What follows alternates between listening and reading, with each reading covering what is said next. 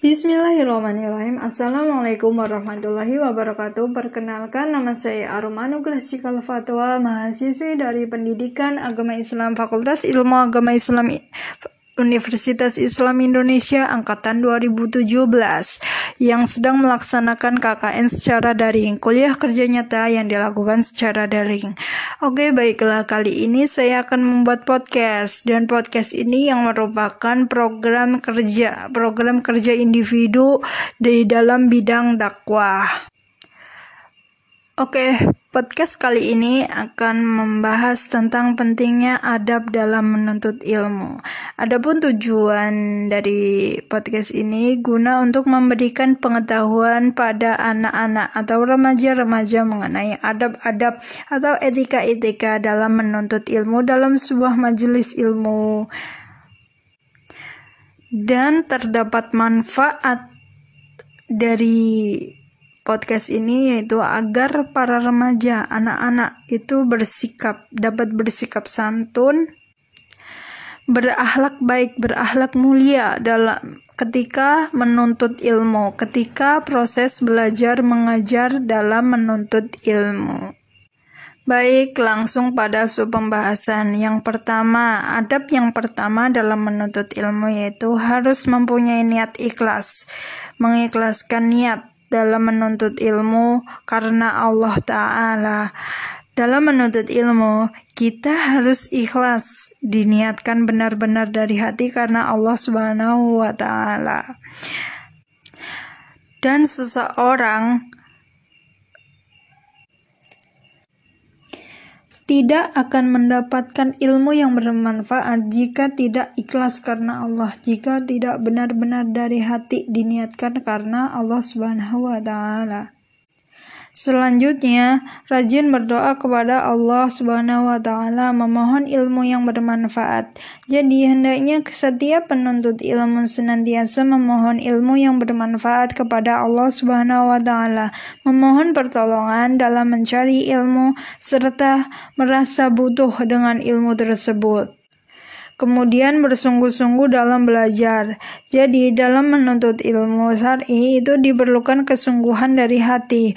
Rasulullah Shallallahu Alaihi Wasallam bersabda, dua orang yang rakus yang tidak akan pernah kenyang, yaitu pertama orang yang rakus terhadap ilmu dan tidak akan pernah kenyang dengannya. Kedua, orang yang rakus terhadap dunia dan tidak akan pernah kenyang dengannya.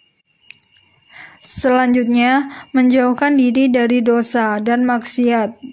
Dan kemudian bertakwa kepada Allah Subhanahu wa taala. Seseorang terhalang dari ilmu yang bermanfaat disebabkan oleh banyaknya dosa-dosa atau maksiat-maksiat yang dilakukannya.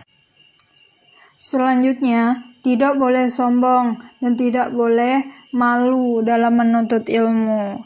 Jadi, seseorang dalam menuntut ilmu tidak boleh mempunyai sikap atau rasa sombong, apalagi rasa malu.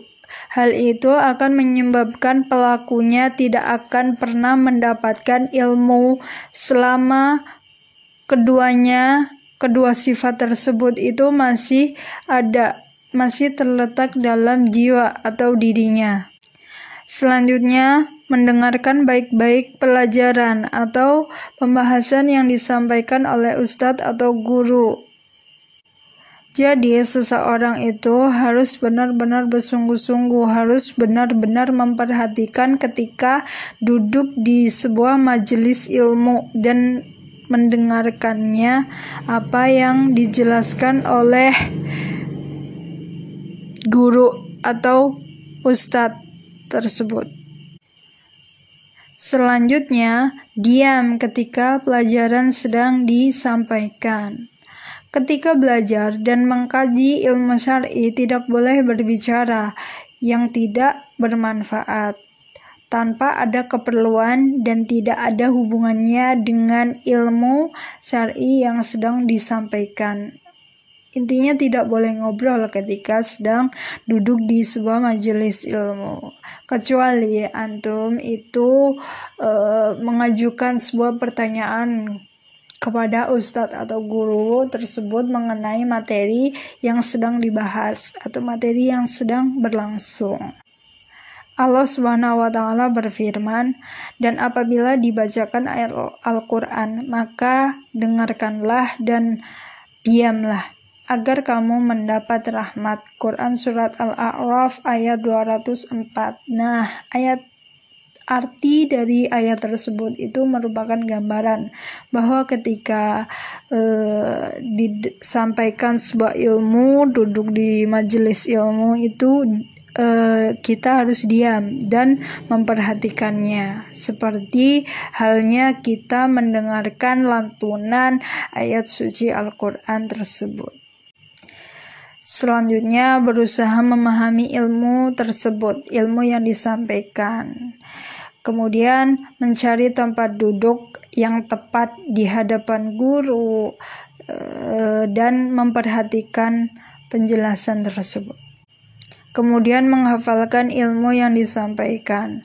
Rasulullah Shallallahu Alaihi Wasallam bersabda, semoga Allah memberikan cahaya kepada wajah orang yang mendengarkan perkataanku, kemudian ia memahaminya, menghafalkannya, dan menyampaikannya.